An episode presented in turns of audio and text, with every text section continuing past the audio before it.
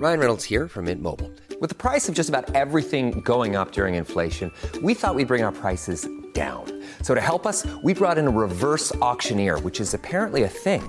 Mint Mobile unlimited premium wireless. Ready to get 30, 30, bit to get 30, bit to get 20, 20, 20, bit to get 20, 20, bit to get 15, 15, 15, 15 just 15 bucks a month. So, Give it a try at mintmobile.com slash switch. $45 upfront for three months plus taxes and fees. Promo rate for new customers for limited time. Unlimited more than 40 gigabytes per month. Slows. Full terms at mintmobile.com.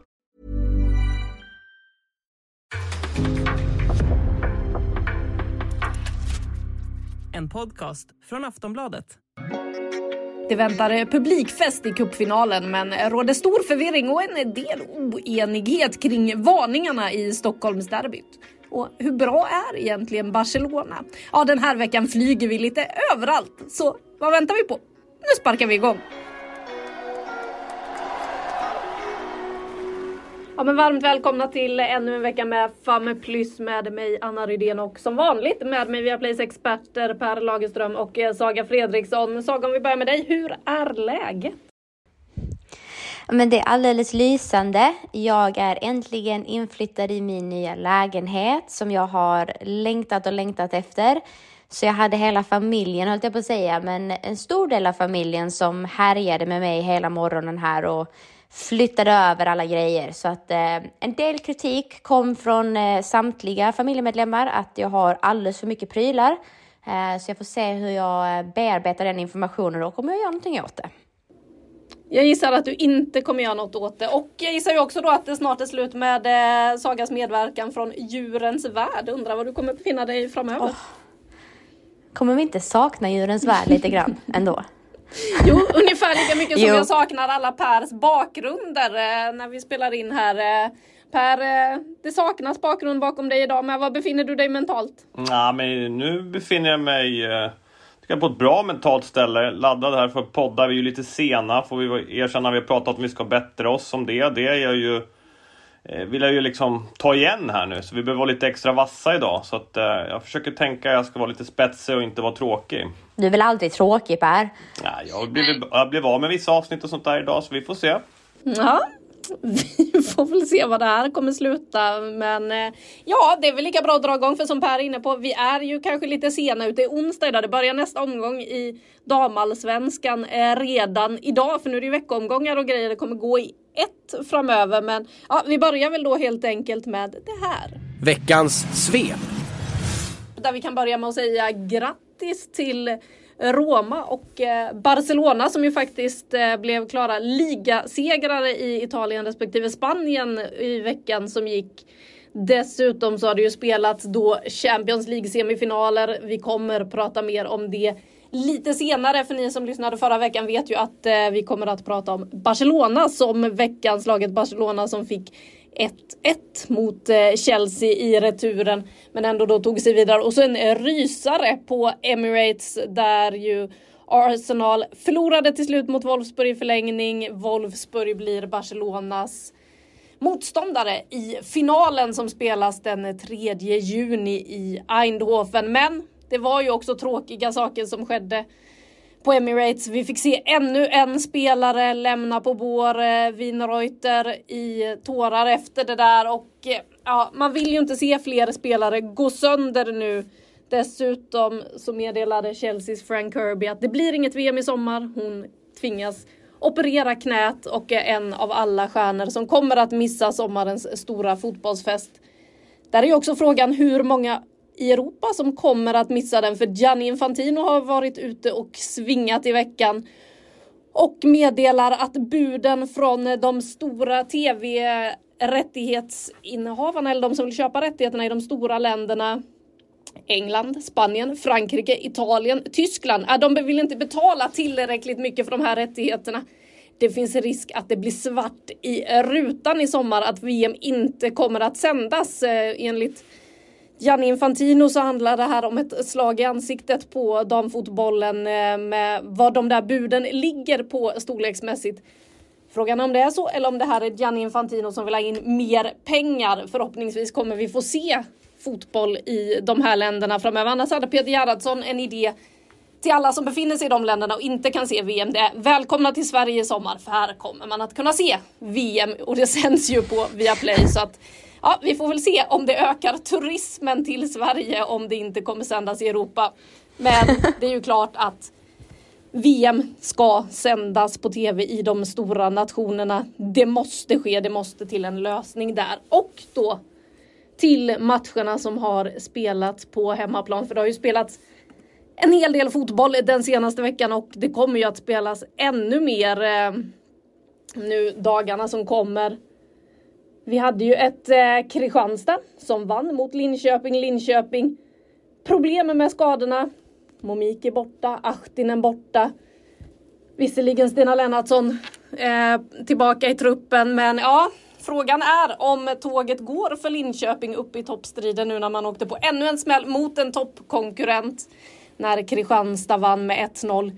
Vi har Norrköping som stod uppe bra mot Häcken, men det är ändå Häcken som tar de tre poängen på Hisingen 1-0. Eh, Anna Anvegård enda målskytten där och sen så fick ju Rosengård lite revansch på Grimsta. Nu var det inte Djurgården som stod för motståndet utan BP 3-1-seger. Karin Lundin fortsätter att visa att målformen finns där när Rosengård spelar så som de gör. Dessutom Vittsjö besegrade ju KIF Örebro. Ett KIF Örebro som har halkat väldigt långt ner i tabellen efter de här inledande omgångarna. Och så har vi ju ett obesegrat lag i Piteå. 4-1 mot Uppsala. Det var några veckor sedan vi sa det senaste. Har vi pratat för lite om Piteå? Ja, kanske det fortfarande alltså. Ett av lagen som inte har förlorat i den här serien. Sen har vi ju ett, en av de där sexpoängsmatcherna som kommer i den här serien i år. Ett bottenmöte mellan IFK Kalmar och Växjö. Smålandsderby. Växjö DF vinner med uddamålet och tar väldigt viktiga poäng där nere i botten. Sen så kommer vi till den stora snackisen den här omgången. Djurgården-Hammarby en jämn match, en tät match, ett grinigt derby. En Madeleine Janogy som tappar huvudet, åker ut. Men innan det hade ju Hammarby gjort 1-0 och vinner den där matchen. Så ja, vad säger ni? Vi kan väl börja och landa i den där matchen, Djurgården-Hammarby. Vad tar ni med er från den? Ja, eh, wow! Först och främst, det där var ju... Man tog sig på en turné genom hela världen. Men vi är tillbaka till... Det var underbart. Eh, men tillbaka på stadion så tar jag först med mig, eh, eh, fick inte jobba den här gången, men det är ju, eh, jag gillade liksom klädseln på, på de som jobbade här. På, och framförallt med någon i mitten som hade ett paraply som satt och rann i, i Fredrikssons panna där i början. Eh, det hade jag varit väldigt super. Jag hade knögglat ihop det där, det där paraplyet och slängt. Eh, men det där ordnade sig till sig. Men det var ju inga aggressioner då i Viaplay Studio, men jag blev en, men på plan där. Eh, jag måste säga, eh, att liksom när, när, rö, när, när, man ser någon göra sådär så är det ju på något sätt eh, Alltså det är två dimensioner. Ett så är det ju på något sätt så häftigt med publik. För att jag tror inte att det där hade hänt om det hade varit ett par hundra på läktaren. Utan det är ju det här som är elitidrott. Att det skapas en stämning med publik som också då tar sig ner på fotbollsplanen det, ska, alltså, det går inte att inte bli berörd. Det gick inte, inte ens att bli berörd som tv-tittare. Jag var inte ens på plats. Utan man ser scenerna, man ser fansen. Och så ser man då att det faktiskt också görs, händer saker på fotbollsplanen. Det oväntade. Ett rött kort av Malena Janogy som jag uppfattade otrolig balans när vi träffade henne. Eh, dels efter Linköping, vi träffade henne på en VM-dag. Hon var glad, lycklig. Det var... Och så bara händer det. Hon tappar det. Och det är ju fansen som gör att det här blir så ännu mer spännande. Så att, eh, tyckte mest att det var härligt att det hände, hände lite oväntade saker på fotbollsplanen. Och jag känner väl också där att eh, Matilda Plan är ju legat och naggat på henne genom hela matchen. Och jag tror jag säger också i kommenteringen att alltså, om inte Plan passar sig så åker hon på ett kort i den här matchen. Men hon hittade ändå den här balansen, att det var hårfint hela tiden. Och det är precis så som vi är vana att se henne spela. Men att då Janogy föll in i det, det som sagt, det är inte att hon egentligen knuffar undan plan, utan det är ju slaget i bröstet som ger det röda kortet. Men jag förstår ju även Janogy tänkte gå en hel match fram tills att hon blev utvisad och bara ha någon som trampar en i bakhåsarna hela tiden. Till slut tappar man det. Det gör den bästa och jag tycker att eh, som du säger Per, det är klart att publiken höjer stämningen och adrenalinet framför allt. Det vet man ju som spelare att det det gör någonting med den så att eh, tycker väl samtidigt i detta eh, att det går att konstatera att Hammarby är just nu allsvenskans bästa lag. Eh, för mig är det inget lag som är så, håller så hög högsta nivå och så lägsta nivå för att jag tycker väl inte egentligen att de kommer upp i det där briljanta eh, kombinationsspelet som vi är vana att se dem. Ändå vinner de. Tidigare har jag absolut kritiserat Hammarby för att de inte lyckas defensivt. Inte tillstymmelse till osäkerhet i defensiven. Um, finns så mycket delar. Man spelar med en man mindre på planen och gör det med bravur. Ska också lägga till där att Djurgården inte tar tillvara på den chansen de fick. Men med det sagt, Hammarby är glödheta. Ja, och du, du har ju rätt. Det går inte att säga emot. De leder ju damallsvenskan, så det är klart att det är bästa laget. En tabell ljuger ju inte. Eh, jag tycker ändå att det ska bli oerhört intressant om vi liksom, eh, ser på måndag mot eh, Häcken. Som visst hade den där förlusten mot Djurgården inledningsvis, men eh, ja, då, det, jag tycker det är ett till väldigt bra lag och som är ganska komplett i alla delar. Har också, trots en del skador nu då, har en ändå ganska liksom, bredd i truppen så de kan göra byten precis som Hammarby kan. För det är ju en dimension till som Hammarby gör. De kan nu de här veckomgångarna tror jag rulla in lite andra spelare. Så att... Eh, och det krävs väl att Häcken vinner, då är de på samma poäng va. Men eh, kanske att Hammarby ändå är inne på målskillnad. Men då, vinner man då, då får man väl vara bäst. Så att kanske att du har rätt, men vi får se vad som händer på måndag. Jag är inte lika säker. Ja, men den är ju fantastiskt intressant. Jag tycker bara inte man har sett eh, BK Häcken lysa så starkt än. Jag tror att de kan plocka fram det mot Hammarby och jag tror att de, de har nästan väntat på möjligheten att få brinna till. Eh, och det här är som sagt bara baserat på min mina känslor utifrån, så det, det är kanske inte så konkret utan mer svårt att ta på. Jag tror det där blir en, en toppmatch utan dess like, så det, det kan vi se fram emot den. Um, så att, uh, kanske mer orolig för Linköping då. Ehm, det är ju snack om att de ska vara topplag. Jag tycker att de har kapacitet till det. Problematiken vi ser hur sköra de blir när de tappar toppspelarna. Eh, du pratar om bredden Per. Och i slutändan så handlar det just om det att du kan inte bara ha elva spelare i en, i en eh, startelva, utan du behöver kunna rotera in och kunna göra förändringar i match. Eh, jag tycker ändå att Linköping är så pass starka att de, de hanterar det, men över en säsong och inför Champions League så är jag osäker på eh, att de faktiskt håller hela vägen. Jag tänkte bara om vi ska, även på derbyt där, jag tänkte du Anna som får träffa spelarna och är på plats liksom på insidan där. Jag, jag gillar ju den här mixzon efteråt, det händer grejer, man ser på spelarna. Hur, hur var stämningen där? Vad snappar du upp liksom från båda lagen liksom? Vad tar du med dig? Ja, vi kan väl säga att eh, det kändes ju som att Djurgården inte var så nedstämda som jag tänkte mig att de skulle vara efter en derbyförlusten då. De kände nog att de stod upp bra, de skapade de här chanserna. Sen klart att de var irriterade på att de inte tog tillvara på dem för de hade ju en massiv press eh, på slutet. Eh, Anna Tamminen storspelade ju i Hammarbymålet. Eh, vilken otrolig match hon gjorde. Jag tyckte det var lite roligt efter Linköpingsmatchen borta för Hammarbys del så var hon förvånad över hur lite hon hade haft att göra i en sån toppmatch. Hon hade väntat sig att där skulle hon sättas på prov. Nu fick hon verkligen visa vad hon går för i målet och storspelade. Så att Hos Djurgården var det lite och sen så pratade vi då med Matilda Plan givetvis om det här eh, röda kortet och där såg man ju att det var en otroligt nöjd Matilda Plan. Hon sa ju det också att det är klart att det är mitt mål att få motståndarna utvisade. Det är klart att det är det jag är ute efter. Eh, hon tyckte absolut inte att hon själv eh, hade förtjänat ett gult kort i den situationen. Hon tyckte inte heller att hon förtjänade ett gult kort när hon väl fick ett gult kort sen när hon kom rusande fram i slutskedet i samband med att Lova Lundin går in eh, och eh, trycker till Anna Tamminen när Tamminen är uppe i luften och eh, tar bollen. Där tycker hon att äh, domarna har lite väl mycket koll på mig ibland. Så känns det för, på grund av min spelstil. Jag kan ju tycka att hon skulle haft ett gult kort redan i första läget när Janogy åker ut. För det, för det är ju så att Janogy får ju faktiskt frispark innan på grund av att Matilda Plan rycker och sliter i henne, hänger i henne väldigt länge. Sen så kanske det inte är Matilda Plan som ska ha det gula kortet andra gången. Även visst, hon kommer framrusande långt. Hon är inte kapten längre. Det är inte hennes roll i Djurgården att göra det där. Men där ska ju Lova Lundin definitivt ha ett gult kort. Så att det känns som att, ja. För det var det jag missuppfattade. Förlåt, jag hoppar in Anna. Men för det är det här spiken ropar ut att Matilda Plan får ett gult kort. Men jag kan inte för mitt liv förstå varför, för jag trodde att det ändå var Lova Lundin. För eh, Lundin har ju 19 tror jag på tröjan och Plan har väl 29. Så jag tänker att han gör ett misstag, så det har jag bommat helt. För att, att hon fick ett kort där, Sen är det korrekt gjort av, av Olofsson för hon ska ha gult kort när hon rusar fram. Spelarna får inte lov att göra så mot domarna så det, det, det är helt korrekt gjort. Men att inte Lundin fick ett, alltså det var, det var en tackling utan dess like på en målvakt som inte kan skydda sig själv.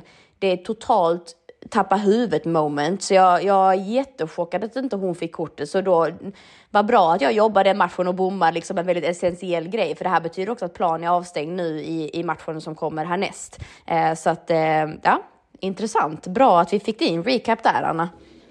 Ja, jag var inne tvungen att dubbelkolla här i matchprotokollet nu, men den står uppsatt på Matilda Plan och hon själv sa ju också efter att nej, men det innebär ju att jag är avstängd i nästa match. Så att det var ju det man tog med sig från Djurgården och sen prata med då Madeleine Janogy efter eh, och i Hammarbylägret dels superglada givetvis över tre poänget Stockholmsderby att vara bäst i stan. Publiken hyllades givetvis, klacken som var där och eh, sjöng. Eh, det kom ett och annat, en och annan pik mot Djurgårdsfans. Jag kommer inte ihåg om det var Tamminen som sa att hon inte hörde Djurgårdsklacken på hela matchen. Eh, så. Eh, Bayern har ju den största klacken i den här serien. Det vet vi sedan tidigare, det är bara att kolla publiksiffror och så vidare. Jag tycker att eh, Djurgården faktiskt ändå bjöd upp eh, den här gången på ett sätt som vi inte har sett riktigt tidigare. Men eh, ja, mycket hyllningar till publiken, inramningen, hur häftigt det var att spela. Simone Boye Sörensen sa att jag som har spelat både i Tyskland och Danmark har aldrig varit med om det här tidigare. Så att det är ju ändå härligt att höra även om vi ser hur det nu rör sig ute i Europa. Att vi har den stämningen som finns på läktaren. Men huvudpersonen där också givetvis då Madeleine Janogy var ju otroligt ångerfull efter. Hon gick ju raka vägen in i omklädningsrummet, såg inte mer av matchen. Eh, hon fick ett meddelande av sin pojkvän när det var slut att de hade vunnit. Det var så hon fick veta att matchen var över och att det faktiskt blev tre poäng och eh, det kändes som att hon var otroligt ledsen. Hon sa också att hon hade bett laget om ursäkt och eh, fattade väl det där röda kortet sen. Så tror jag väl att hon också undrar varför inte Plan fick ett gult åtminstone i den där situationen. Men nej, det var ju känslorna där nere och att eh, Hammarby var väldigt lättade efter att ha kommit undan där, kunna vinna trots att man i nästan en halvtimme är en kvinna mindre ute på planen i en sån grinig, tät och fysisk match som det ju faktiskt var. Ja, och jag, vill bara, jag vill bara reservera mig för eran två, era gula kort här. Jag tycker inte Plan ska ha något kort i den här situationen. Hon spelar precis, Skojar du? Nej, jag tycker precis på gränsen. Precis lagom. Eh, hon sparkar ju henne i, i, i knäskålen höll jag på säga. Hon sparkar lite sådär, men det är, kamp liksom. Så att uh, det är ett Stockholm oh, där, får man stå upp. Det är, for, det är för roligt här. det är skönt att vi inte alltid håller med varandra. Är det är ändå gött ja. alltså. Däremot så ska, håller jag helt med i duellen på Tamminen. Den tycker jag är... Eh, där, den är ju extremt skade... Eh, alltså, risk för skada är enorm där. Mm, den är ju faktiskt rent ut sagt farlig. Är det något mer ni vill reagera på från eh, dagens svep eller vill ni gå vidare? Veckans lag. Då tar vi veckans lag och jag har anteckningsblocket här vid sidan om datorn det som var med mig nere i Barcelona på Champions League semifinalen. Och, ja, det har ju varit en eh, hektisk vecka för Barcelona för efter det så gick man ju också då och eh, kammade hem ligasegen som jag var inne på i svepet eh, när man vann mot Sporting och 11 i ligan och fick fira. Men då Champions League.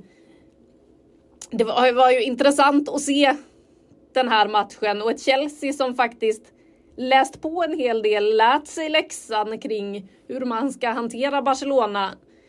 I första mötet släppte man ju in ett mål väldigt, väldigt snabbt. I den här matchen var det noll skott på mål i den första halvleken. Inget från Chelsea, inget från Barcelona. Eh, Caroline Graham Hansen hade ju visserligen lekstuga stundtals. Eh, den norska stjärnan är ju helt otrolig i den rollen hon har i Barcelona och Framförallt så är de ju väldigt bra på att utnyttja hennes styrka en mot en. Där Chelsea hade väldigt stora problem många gånger. Bland annat eh, fick ju Magdalena Eriksson känna på det där som fanns i Chelsea-försvaret. Men det är väldigt tydligt hur Barcelona vill spela, hur de vill spela sig fram i banan, hur de vill jobba med sina trianglar på mittfältet för att hela tiden komma med fart, hur man vill överbelasta med hjälp av och utnyttja sina yttrar. Det blir ofta Caroline Graham Hansen som kommer ganska långt ut till höger. På vänstersidan så kommer Fridolina Rolfö hela vägen från sin ytterbacksposition. Eh, hon är ju uppsatt som vänsterback i det här Barcelona men med en väldigt, väldigt offensiv roll. Något som Chelsea också givetvis hade koll på. För där bakom hittade man ju in några gånger. Där finns det ju ytor att straffa Barcelona. Där går det att ta sig fram när de blir väldigt offensivt lagda. Man vill ta sig fram, man är inte vana riktigt vid det här direkta spelet som de engelska lagen eh, spelar vilket var väldigt tydligt eh, i den här matchen och jag tycker det ska bli intressant att se Champions League-finalen när de ställs mot Wolfsburg, ett Wolfsburg som ju blev utspelade i den där eh, rekordmatchen i fjol i semifinalen. När det var 91 648 på plats på Camp Nou. Men som sen faktiskt tog revansch på Barcelona och besegrade dem i returen men det räckte inte för att ta sig till final då. Det ska bli väldigt intressant att se hur de står upp i det fysiska spelet mot Barcelona, för där syns det ju mot de europeiska lagen att Barcelona har en del kvar. Det syntes i Champions League-finalen i fjol när man förlorade mot Lyon. Det syntes även i en del dueller i de här matcherna mot Chelsea och Wolfsburg. Ja, de är ju ett fysiskt starkt lag och där har man inte sina fans i ryggen heller, för det måste jag säga att det är en upplevelse att se matcherna på Camp Nou. Visst, det var 20 000 mer på plats för ett år sedan i den där semifinalen mot Wolfsburg än vad det var nu. Nu var det väl eh, strax över 72 000 som var på Camp Nou och såg den här matchen. Men man märker att det är en väldigt fotbollsintresserad publik. Man märker att det här är en publik som hejar på sitt damlag. Det var en otrolig skillnad bara att gå runt stadion innan och läsa namnen på tröjorna den här gången. Visst, det fanns fortfarande en hel del som gick runt med Messi, de Jong, vilka mer det nu var av herrspelarna som man, ja, till och med, det finns ju en del små Iniestas fortfarande. Eh, men där är det ju också de som nu går runt med tröjor där det står Rolfö. Det finns eh, tröjor där det står Caldente, det finns de det står Aitana på. Och det finns framförallt de det står nummer 11 Alexia på. Och när hela arenan med dryga halvtimmen kvar börjar ropa hennes namn. Alla hoppades ju på att få se henne kliva in på banan igen, göra comeback på den största av scener på Camp Nou. Så blev det ju tyvärr inte. Matchen var lite för tajt för att man skulle våga slänga in Alexia Putellas i den där matchen. Men hon har ju faktiskt gjort comeback nu för det gjorde hon i ligamatchen efter och förhoppningsvis får vi se henne i en final och i ett mästerskap i sommar det hade ju varit fint. Spanien måste lösa den där konflikten. Vi kan inte bli av med världsstjärnor för att de håller på och har en konflikt. Det får Spanien faktiskt lösa och se till att ha sina bästa spelare på plats under rimliga förutsättningar. Så att eh, Nej, det är imponerande att se och det ska bli spännande att se hur de klarar sig i det fysiska spelet. För de har ju spel den, de spelskickliga spelarna, individuellt är det ju ett väldigt, väldigt, väldigt skickligt lag. Alltså det är bara att titta på en sån som eh, Aitana Bonmanti på innermittfältet. Eh, som är en liten magiker där inne som kan göra det som känns omöjligt och som Ja, det, jag tror att det då var på dagen, det var fem år sedan Iniesta lämnade eh, Barcelonas herrlag. Men de har ju en Iniesta i damlaget i form av Bon Mati. De påminner otroligt mycket om varandra i spelstil. Eh, och det är en fröjd att se henne. Ännu roligare nästan att se henne vid sidan av banan höll jag på att säga. Eh, hon blev ju utbytt, fick eh, krampkänning, hade jätteproblem. Syntes inte en sekund när hon väl var utbytt sen för då var hon så otroligt engagerad. Först så stod hon upp vid bänken, levde sig in i varenda avblåsning, varenda domslut. Hon var otroligt nervös. Sen såg man hur hon liksom sakta men säkert flyttade sig mer och mer mot mittlinjen så helt plötsligt stod hon precis utanför spelargången. När väl domaren sen blåste av då stod hon inne i Chelseas tekniska zon. Hon, hade, hon var så inne i matchen så visste nog inte var hon befann sig och bara flög upp, firade mest av alla och eh, var otroligt glad över att Barcelona nu är klara för sin fjärde Champions League-final på fem år. Det är ett otroligt facit av Barcelona. Vad tror ni om det där med eh, Barcelonas fysik när de ställs mot ett lag som ett tyskt maskineri alla Wolfsburg? Jag tänker ju absolut att det är en viktig ingrediens för de motståndare som, som möter Barcelona. Eh, sen gäller det också att vara extremt pålästa i taktiken för det jag slogs av just eh, att titta på Barcelona spela är att med tanke på att de hade ett mål med sig så kunde de styra tempot i matchen på ett sätt som inga andra lag kan göra. Och det kommer ju också från hur väl skolade de är. Men tittar man på att de är så skickliga på tempoväxlingen från att bara bolla i de här trianglarna som du pratar om Anna, till att besluta sig för att nu rycker vi och tar oss förbi. Och då gör de också det gång efter annan. Så att det, det där tror jag blir en stor läxa för, för Wolfsburg då, att, att hantera eh, Frågan är, vill de styra matchbilden själva eller vill de vara passiva? För risken tror jag är om man bjuder in Barcelona i deras flow, i deras spel, så har man faktiskt gett bort mycket av makten. Frågan är om det inte är bättre att vara mer aggressiv, kliva in och förstöra lite alla Djurgården mot Hammarby stundtals. Om vi nu får göra den parallellen, det är två olika världsbilder, men ni är nog med på vad jag menar, att det handlar väldigt mycket om att gå in och nagga en aningen för att inte tillåta dem att, att få flow. Eh, så att eh, Sen vill jag också prata lite felmarginaler, för om vi tittar på målet, så jag satt och nördade in mig lite på det där med målet som, som Chelsea släpper in nu i, i matchen som du såg Anna, på plats.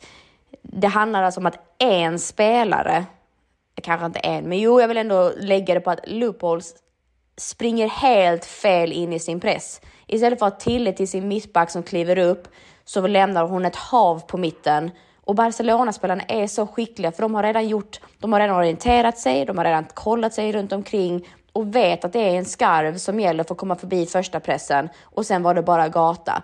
Det imponeras jag av och där kan Wolfsburg bara inte gå bort sig. De behöver ligga kompakta, vara rejält fysiska och acceptera lite den rollen att det behöver inte hända direkt.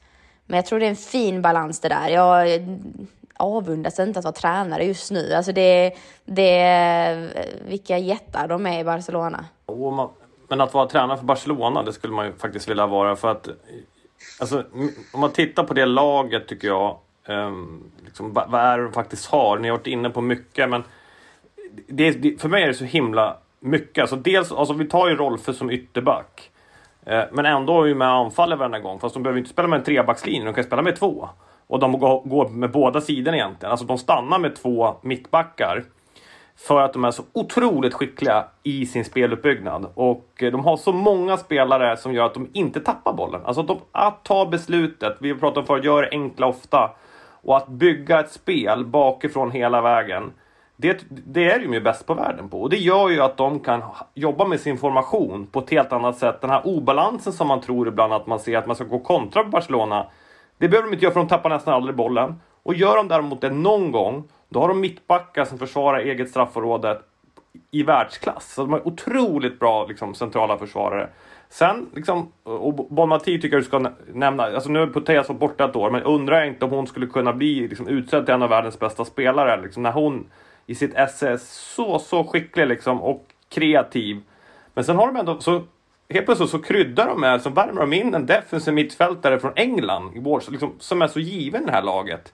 Så att ja, men jag, jag, är imponerad på hur de kan jobba med sin speluppbyggnad samtidigt som offensiven vet vi att det är så många spelare som gör det. De har liksom offensiv på båda kanterna. Men framförallt Spanien och spanjorskornas, mittbackarnas försvarsspel. Eh, och, och taktiska kunnande. Så att för, för oavsett om de vinner eller inte, så, och ni har varit inne på det, är ju det klart lysande liksom, bästa laget eh, i världen på damsidan. Jag tycker de dominerar liksom, i många år här nu. Eh, och det är ruskigt imponerad att de fortsätter att göra det. Um, så att jag, för mig är de storfavoriter. uh, och, det, och det är häftigt att få följa dem, för att de har så mycket olika delar i sitt spel. Jag har en liten extra favorit där också i brasilianskan som jag fick träffa när, när vi var i Nürnberg JC som, som kommer in och, och, jag tror att vi ska ha lite koll på henne i VM. Alltså hon är en, ett fysmonster utan dess like. Så att de kan ju byta in allt från liksom, tekniska liksom, offensiva mittfältare till liksom, brasilianska fysfenomen som bara springer och kör och tacklar ner liksom, engelskor om de behöver fysik. Så de har ju faktiskt även fler dimensioner i det här laget. Jag tycker också det är väldigt roligt att se Graham Hansen eh, med tanke på att hon efter sitt hjärtfel och eh, hon rapporterar, eller rapporterar, hon tog en liten paus från landslaget i augusti förra året och jag tycker det krävs ett, ett eh, väldigt stort mod och en självinsikt att hon behövde tid att återhämta sig från eh, ja, men dubbla, dubbla uppdrag i, i klubblag och även då landslag. Jag tror hon, hon nämnde att hon hade nästan 50 matcher under förra året med ett hjärtfel som hon hade behövt hantera. Och eh, att se henne lysa så mycket just nu, att hon kan ta det klivet igen. Vi pratade för någon vecka sedan om Lia Velti som behövde ta en paus vi ser henne igång igen. Att det, det är en mognad i de här spelarna, en självinsikt i att nu måste jag eh, sätta stopp. Nu måste jag ha en paus för att kunna vara mitt bästa jag som både människa och fotbollsspelare. Och att vi ser effekterna av det när när de tillåts från sina klubbar. Eh, och tillåts låter nästan lite orimligt för att det är väl klart att människan ska behöva, alltså om en människa säger att de behöver vila så behöver de vila. Men det har inte alltid varit självklart att ha den här kom kommunikationen med sina klubbar och att det är allt fler som verkar vara lyhörda för det. Eh, det gläder mig och det är någonting som jag tycker ska, ska lyftas och, eh, och premieras på något sätt. Så att eh, bara fint att se egentligen, bara en parentes. Det är ju faktiskt också en diskussion som har eh, kommit upp igen i veckan, det där med belastningen i och med att eh, The European Club Association har gått ut i ett statement och eh, sagt till landslagen att samla inte spelarna innan de officiella Fifa-datumen. Det är ju faktiskt många landslag som kommer att samlas innan det med tanke på att VM i år ligger när det ligger. Klubbarna vill nu sätta stopp för det för att belastningen inte ska bli för hög. Eh, men eh, det är ju också enda sättet för många lag att få in träningslandskamper till exempel. För Sverige är det ju inget alternativ eftersom eh, damallsvenskan spelar fram till officiellt Fifa-datum. Men man kommer ju ändå försöka få till ett litet läge för utlandsproffsen för att de ska kunna komma igång igen. Och där var ju Peter Gerhardsson inne lite på att det är ju faktiskt inte helt bra för dem att komma helt otränade eller de måste ju börja träna upp sig inför lite långsamt men det måste finnas en dialog och framförallt så måste alltid spelaren vara den som sätts i fokus. Det kan inte bli här att det här ska bli, börja bli en fight mellan klubblagen och landslagen. Att man ska börja slåss om spelarna utan man måste samarbeta. Och eh, jag tycker det är väldigt fint att som Graham Hansen då som tog en paus är tillbaka. Lia Velti som vågar gå ut med att hon tar en paus. Miedema gjorde det också i höstas när belastningen blev för hög. Men jag tycker inte ens att spelarna ska behöva gå ut och säga en sån sak. Klubben ska känna efter att okej, okay, det här är en spelare som vi behöver skydda nu, som vi behöver hålla tillbaka lite, som behöver få vila. Och det ska inte spelarna behöva stå och skrika ut om de inte vill. Det är jättebra att man berättar om det, att man belyser frågorna. Men eh, jag tänker, men det är ju inte så att man hör på här sidan om att spelarna går ut och säger att nu behöver jag vila lite men sen kan man ju ändå se att det finns vissa spelare som faktiskt vilas. Som inte har den hårda belastningen eh, i klubblaget hela tiden året runt i alla tävlingsmatcher. Så att, nej, där finns det ju faktiskt fortfarande en del att eh, tänka på. Men om vi ska tillbaka till Barcelona igen då. Eh, alltså deras sätt att skapa obalans när de överbelastar är ju imponerande och otroligt svårt att försvara sig mot. Eh, det ska bli intressant att se hur Wolfsburg löser det och det känns ju som att det finns två nyckelspelare i Wolfsburg som kommer att ha att göra i den här matchen. Dels Lena Oberdorf eh, som ju är en av världens skickligaste innermittfältare i sin roll, städgumman i det tyska landslaget och i Wolfsburg som också spelar stenhårt. Eh, där kommer Barcelonas eh, mittfältare få känna på att eh, det finns motståndare som står i vägen och sen så har man ju också en livsfarlig huvudspelare i form av Alexandra Popp som de måste se upp med i det här. Eh, det ska bli väldigt spännande att se hur de hanterar det och hur Wolfsburg hanterar det. Ja, vi kan bygga upp för den 3 juni redan nu känns det som. Då finalen spelas i Eindhoven. Veckans snackis.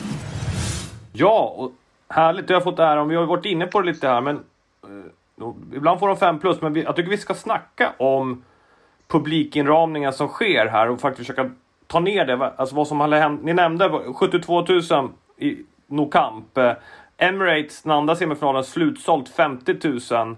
Eh, även på Stockholms stadion över 3000, även Djurgården. Man, alltså inte bara Hammarby, jag var inne på det, skulle de imponera eller inte? Jo, de imponerade på mig. Jag var inte, alltså i det vädret, i liksom 19.00 på en måndagkväll och få dit liksom så pass många fans. Eh, väldigt bra gjort. Så att snackisen är ju att vi har ju på att prata om det här sedan 2003 om damfotbollen slår igenom. Men jag tycker att det kommer oftare. Det kommer liksom fler typer av matcher. Det var väl bara två veckor sedan. Jag vet inte om ni skulle gissa en mittenmöte i Frauen Bundesliga. FC Köln Frankfurt. Vad tror ni mitt i veckan? Två halvdagar. Vad hade de för, för publik? Oj. Nej, jag vet inte. Nej, de hade 38 000 på sin match i, i, i två ganska halvtaskiga lag för två veckor sedan. Så att det som sker är att det sker oftare. Det sker på fler matcher. Det sker när man minst anar det. Om vi tar den matchen, eller vi tar derbyt. Det sker också över fler regioner på alla delar av världen. Om vi tar det till Sverige så ser vi just nu till exempel att Linköping möter Norrköping. 4000 sålda redan. Lär väl bli fullsatt på en söndag.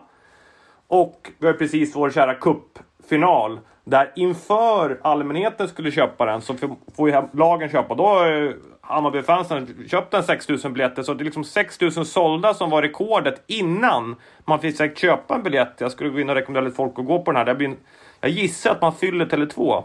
Och det är för mig snackisen att att det sker, det sker oftare. Sen ska man liksom ta det till en ny nivå. Men, men äh, det är eh, väldigt, väldigt intressant att vara med om det. Och jag hoppas att det fortsätter smitta av sig hela vägen till resten av säsongen. Men det här kommer också från aktiva eh, handlingar. Eh, tänker på en sån som Marcus Nilsson i Hammarby som är ansvarig för just publikrekrytering, vice VD för Hammarby Fotboll. Att det, det sker inte av, eh, vad säger man, accident. Alltså det är inte av en händelse att de här sakerna eh, börjar blomma ut, utan det kommer från att klubbarna tar ansvar och säger att vi måste se en förändring och vi måste vara aktiva i de valen. Eh, och det tycker jag är det coolaste när man då pratar om Dels vad Hammarby gör på sin sida. Vi, kan ju, vi pratar om dem rätt ofta utifrån att för de är ledande i de här frågorna. Men du nämner även Emirates. Eh, jag läste på lite om det här med vad har Arsenal gjort eh, sen framförallt då EM i sommar och inför det här att man, man skulle starta första matchen mot eh, Tottenham. Man sålde extremt mycket biljetter. Man tog lärdom från den första matchen. För de hade en stor problematik med att, eh, att eh, både ja, men familjer kom med sina barnvagnar men kommer inte igenom de här snurrorna som finns på The Emirates, att när man ska komma in på arenan, att de faktiskt inte kan ta sig in. Bara en sån enkel sak om att förklara för fansen vad de kan förvänta sig, nå ut till rätt målgrupp. Vem är det som kommer att titta på våra matcher? Så nästa gång om de hade hittat en lösning för det eller om det var så att de faktiskt inte kom med sina barnvagnar för att ändå kunna gå på match. Men alltså det var, det var alltså publik som var tvungna att vända där i början för att de inte visste att jag kommer inte in med min barnvagn här på just där de skulle gå in och så vidare. Men tillbaka till att ledning, styrelsen för att de här klubbarna måste ta ansvar. Precis det som Arsenal gjorde med sin styrelse. Det var en aktiv styrelse som satte sig och bestämde att inte nog med att vi ska lägga till resurser för marknadsavdelningen. De ska dessutom eh, kombinera herr och dam. Det är inte så att damerna ska stå och fäkta för sig själv, utan vi har en marknadsföringsavdelning som hanterar båda delar. Och det här är vad som är handling. För jag kan bli lite trött på när man pratar om publikfrågan gång efter annan, men det, man ser liksom inte de här konkreta exemplen. Nu har vi två här. Hammarby, vi har Arsenal, där styrelsen, människor runt omkring som arbetar aktivt med frågan, inte bara slänger ut ett litet Instagram-meddelande att by the way, det är match nästa helg. Allting är proaktivt och man är noga med vem är målgruppen, vad behöver de för information och vilka resurser krävs för att nå till de här individerna. Det det är mäktigt och jag gillar när man kan bygga upp snack med handling, för att annars är det totalt värdelöst. Mycket bra och du, jag hade faktiskt satt ihop det för att det är väldigt många som har fått frågan, jag har också fått den tidigare. Jag har varit lite svävande på vad ska man göra. Jag har pratat om att man ska samarbeta, förbund, eh, klubbar och allting. Jag hör fotboll, spelarna får den här var och varannan dag. Hur ska vi göra? Och alla säger att det är liksom tusenmiljonersfrågan.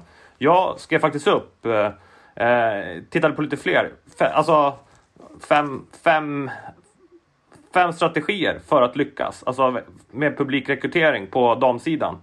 Och, och ett som fort, man får inte, man får inte liksom snacka bort det, men ett, för mig är ett är fortfarande att våga fortfarande göra happenings, det vill säga ta en match till en ny nivå, jobba med marknadsföring, sociala medier. Man måste fortsätta göra det för att driva intresset över tid. Så den är jätteviktig. Skapa en happening. Två, eh, jobba med ny publikrekrytering och gammal. Det vill säga, du måste, det finns målgrupper som du var inne på Saga, som, som du inte går, som du kan fånga, som kommer gå för det här. Men det finns också en enorm publik som går på fotboll, som gillar liksom, de stora matcherna, de häftiga upplevelserna, som gillar att vara på arenor. Du måste fånga båda. Jag tror inte du kan välja kring det. Tre, de som har fans har en enorm fördel. Du måste jobba med fansen. Alltså, Arsenal plockar med sina fans, Norrköping plockar med sina, Hammarby plockar med sina. Det är oerhört viktigt att du jobbar med fansen. Det kräver ju sig, det skulle vara liksom en superstrategi, men liksom att, att det är allt från styrelsearbete hela vägen ner. Men fans, liksom, arbetet är centralt. Fyra är arenor. Alltså man vill vara på de här, man vill vara på arenor som skapar, när det väl kommer mycket folk, så att allting funkar, det ska se bra, det ska vara en upplevelse. Liksom fjärde delen. Och fem, det är att det här är lika mycket som ett är en happening, så är fem långsiktigheten. Och allt långsiktighet handlar om att vilja lyckas och att göra saker över tid. Så att där har ni topp fem för att sätta den här veckans snackis och fortsätta snacka om den vecka efter vecka efter vecka. Snyggt Per. Jag gillar det och där känner jag ju lite att du, alltså ettan och femman där, det är ju lite det jag känner att jag såg i Barcelona, det som har hänt från i fjol till i år att Ja men i fjol då gick man verkligen in för det här. Då var det ju i kvartsfinalen redan när man mötte Real Madrid som man för första gången hade över 90 000 på Camp Nou. Sen lyckas man få det i semifinalen efter också. Eh, att man där gjorde de två matcherna till sådana extrema happenings. Hela det här med att man samlar eh, folket där spelarbussen ska köra in. Det var minst lika mycket folk där i år när spelarbussen kom till arenan. Man såg ju spelarna till och med sitter liksom längst bak i rutan på bussen och slår ut till fansen. För att de själva tycker att det är så häftigt att få uppleva det där, att komma igenom ett folkhav in på Camp Nou. Men att man också då märker att ja, men i år så är de som är där faktiskt så mycket mer intresserade av fotbollen också. De har så mycket bättre koll på spelarna. De har så mycket bättre, de är mer engagerade i själva spelet också. För visst, det var en mäktig upplevelse i fjol med över 90 000 på läktarna som sjunger hela tiden och sådär. Men där var det inte lika mycket att stämningen på läktaren pulserade med matchen som det var den här gången. De var extremt engagerade i allt där de inte höll med domaren och det var ganska ofta. Så att eh, visselorkanen som gör det där runt det trycket som skapas där ser man ju vilken skillnad den här långsiktiga planeringen gör och att man lyfter ut fler och fler matcher på de stora arenorna. Att man gör fler och fler matcher till happenings. Sen kan man ju inte vänta sig att det ska vara så alla matcher jämt hela tiden nu. Och som man ser på cupfinalen här i Sverige där det då, eh, jag är inne i detta nu, vi spelar ju nu då in eh, onsdag onsdagen när man precis har släppt det då till allmänheten. Men 6700 biljetter såldes alltså till finallagen eh, Hammarby och Häcken under förköpsdagen. Det innebär alltså att den redan nu är större än vad herrfinalen kommer vara. För den spelas på Strandvallen som bara tar 6000. Så de kan inte ens komma upp i de siffrorna. Eh, och då är det här alltså bara början. Det kan bli en väldigt, väldigt häftig final det här och eh, jag pratade med Madeleine Janogy om det förra veckan då när det stod klart att man hade tagit det enda rimliga beslutet, nämligen att flytta eh, cupfinalen från kanalplan till Tele2 och göra det här till en, en riktig happening. Och hon var ju inne på hur mäktigt det skulle kommer bli att gå ut där och att det faktiskt det är ju inte vilken match som helst. Eh, det kommer vara otroligt mycket folk på plats och det kommer stå en titel på spel. Det kommer vara så mycket nerver där. Det ska bli en otroligt häftig match och jag hoppas att den får en ja, kanske inte riktigt lika dramatisk eh, final som i fjol. Eh, åtminstone ett klarare avgörande än cupfinalen. Det behöver vi. Snälla, ja. ett klarare avgörande. Jag orkar inte diskussioner om var den inne, var den ute. Låt bollarna bara vara inne så är vi alla nöjda. Lite så och eh, det som ju damfotbollen ibland får kritik för när man ska rekrytera publik det är ju att man ibland ger bort biljetter eller att biljettpriserna är så himla låga. Ja men låt dem vara det ibland då för att kunna locka dit publiken från början för att skapa hypen. Det vet man ju herrlag som är ute till exempel i skolor och delar ut skolkort för att få dit kidsen. Och går kidsen och fastnar, ja men då måste de börja ta med sig föräldrar och sen vill kidsen köpa läsk, de vill köpa lite popcorn, det kommer in pengar på andra sätt. Alltså, få bara dit dem, skapa stämningen och bygga en hype så borde det kunna bli mer folk även på vanliga ligamatcher framöver. För att vi vill ju inte se så här låga publiksiffror som vi ser på vissa matcher. Nej. Ja, men nu tänker jag att eh, det är ju fast en omgång snart. Så vi ska, eh, ikväll här, vi drar igång. Och, och, och det är väl säkert Saga som får göra de här fem plussen alldeles strax. Men innan vi avslutar, det är ju liksom en liten grå... Nej, det är ju inte det. Det är mittenomgång. Eh, allting, och, och, och matcherna händer. Har ni någonting, kan ni berätta någonting oväntat som ni tror kan hända? Onsdag till fredag ska liksom det här spelas av här nu. Massa matcher. Oj, oj, oj. Man tittar på dem så är det ganska, det här kommer ske. Men det, vi, man vet ju att det kommer hända något oväntat. Jag skulle väldigt förvånad om alla favoriter går in. Eller något rött kort eller någon publikskandal kanske oj. vid inrusning. ja, men jag är så eh, dålig på att se någon publikskandal alltså. Mm. Men vi ska se, jag kollar igenom omgången här, för vi har ju som sagt Växjö-Vittsjö idag. Imorgon Linköping-Brommapojkarna. Piteå-Norrköping. Ham ja, det resterande är ju imorgon, herregud, förutom då Rosengård-Kristianstad. Hammarby-Kalmar. IK Uppsala, Djurgården, Örebro, Häcken och sen då Rosengård-Kristianstad. Jag är ju lite spänd på Rosengård-Kristianstad, hur jämn den kommer bli, för vanligtvis är det ju en jämn match. Men frågan är, har liksom Rosengård då, vi, pra, vi pratar ju faktiskt om Rosengård, har de liksom kommit upp i nivå så pass att vi kan säga att trenden är vänd? Det vet vi ju inte än. Och jag tycker inte heller senast att man kan gå på den, det resultatet. Så det är kanske här vi får verkligen ta tempo på Rosengård. Um, men jag vet inte, för jag tycker fortfarande inte Kristianstad heller har... Jag tycker de har varit bra, det tycker jag. Men jag vet inte om jag heller har sett dem, precis som BK Häcken, har de kommit upp i sin maxprestation än. Det tror inte jag. Så att... Uh, ja, men, uh, jag vågar Ha lite extra någonting. koll på den där. Jag, den, den, den sänds ju på bra tv-tider. Eh, där ni kan kolla på med en välkänd kommentator. Ska, ska Rosengård... Eh, Alltså på dem, jag tycker de måste ju nästan vinna den där. För att det inte hamnar så långt. Mm. Att de får absolut inte förlora den, tycker jag. Även fast det är, vi pratar lång säsong, men all, hallå! Omgång för omgång går. Rosengård behöver minst få en pinne, helst självklart vinna för att vara tillbaka. Den är ju intressant tycker jag. Ja, den är superintressant. Sen tycker jag det ska bli eh, lite spännande för nu börjar ju Norrköping sättas på prov också. Det är en väldigt tuff bortamatch mot Piteå då som jag var inne på har vi pratat om dem för lite. Ehm, den ska bli eh, spännande att se vad som sker där uppe. Men annars det som eh, är veckans match innan vi liksom kommer podda nästa gång. Den kommer ju faktiskt då, vi har varit inne på den redan, den kommer ju på måndag med Hammarby som ska till Göteborg och möta Häcken den är jag otroligt spänd på att se hur bra de här två lagen är när de ställs mot varandra och det blir ju då lite av en eh, förrätt till den där kuppfinalen som vi ska se om dryga månaden här. Så att eh, det skulle jag vilja säga är veckans match. Mycket bra. Mycket, mycket bra. Är det min tur nu ja. att eh, knyta ihop säcken med våra fem plus? Jag ser fram emot det här med spänd förväntan. Ja, men den är väl inte så skrällig ändå. Däremot är den tvådelad och ihopkopplad. Eh, spelaren i fråga storspelade troligtvis bästa målvaktsinsatsen jag har sett i damasvenskan på väldigt länge. Det är väl inget konstigt att Anna Tamminen kommer få veckans 5 plus. Men däremot vill jag också lägga och slå ett slag för låten som hon har från sina supportrar eller sina, men Hammarby supportrar. Det är alltså en remake på Shakiras Waka Waka E E och jag tänker inte sjunga den, men jag tycker man kan lyssna på den och den får också 5 plus den här veckan.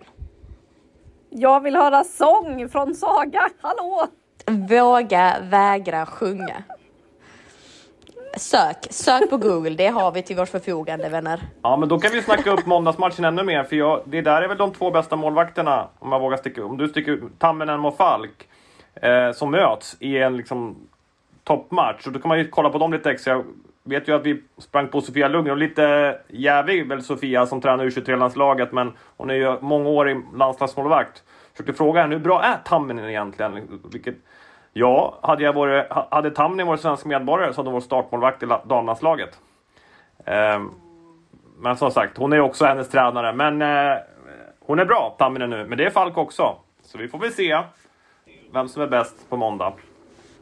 Mm, och det där ska vi snacka om i, nu vet jag inte hur många dagar det är kvar till VM, men vem som är Sveriges första målvakt. Vi får se om Falk eh, levererar en sån insats när man ställs mot ett eh, offensivt skickligt eh, Hammarby på måndag. Med det hörni så stänger vi programmet för den här veckan.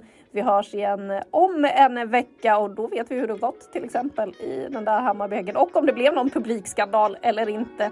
Vi får väl se. Tack för att ni har lyssnat den här veckan. Vi hörs!